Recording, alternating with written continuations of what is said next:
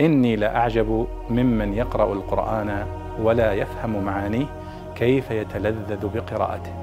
كيف يتلذذ بقراءته. هذا سؤال عن معنى قوله تعالى تسقى من عين آنية. ما معنى عين آنية؟ فالجواب هو أن العين الآنية هي العين شديدة الحرارة. عين الماء شديدة الحرارة. فالله سبحانه وتعالى يعاقب الكفار في يوم القيامة بأنهم يسقون من ماء حميم من عين آنية أي شديدة الحرارة.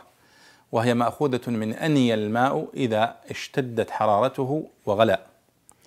ولعل أيضا من نفس المعنى في قوله سبحانه وتعالى يا أيها الذين آمنوا لا تدخلوا بيوت النبي إلا أن يؤذن لكم إلى طعام غير ناظرين إناه. غير ناظرين إناه هنا أي نضجه. وكأنه لا ينضج الطعام إلا إذا غلى. عليه الماء وغلى عليه القدر فنضج.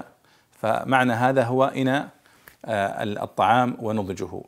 فكذلك عين آنية أي شديدة الحرارة جدا وهي التي ذكرها الله في موضع آخر في قوله يسقون من ماء حميم.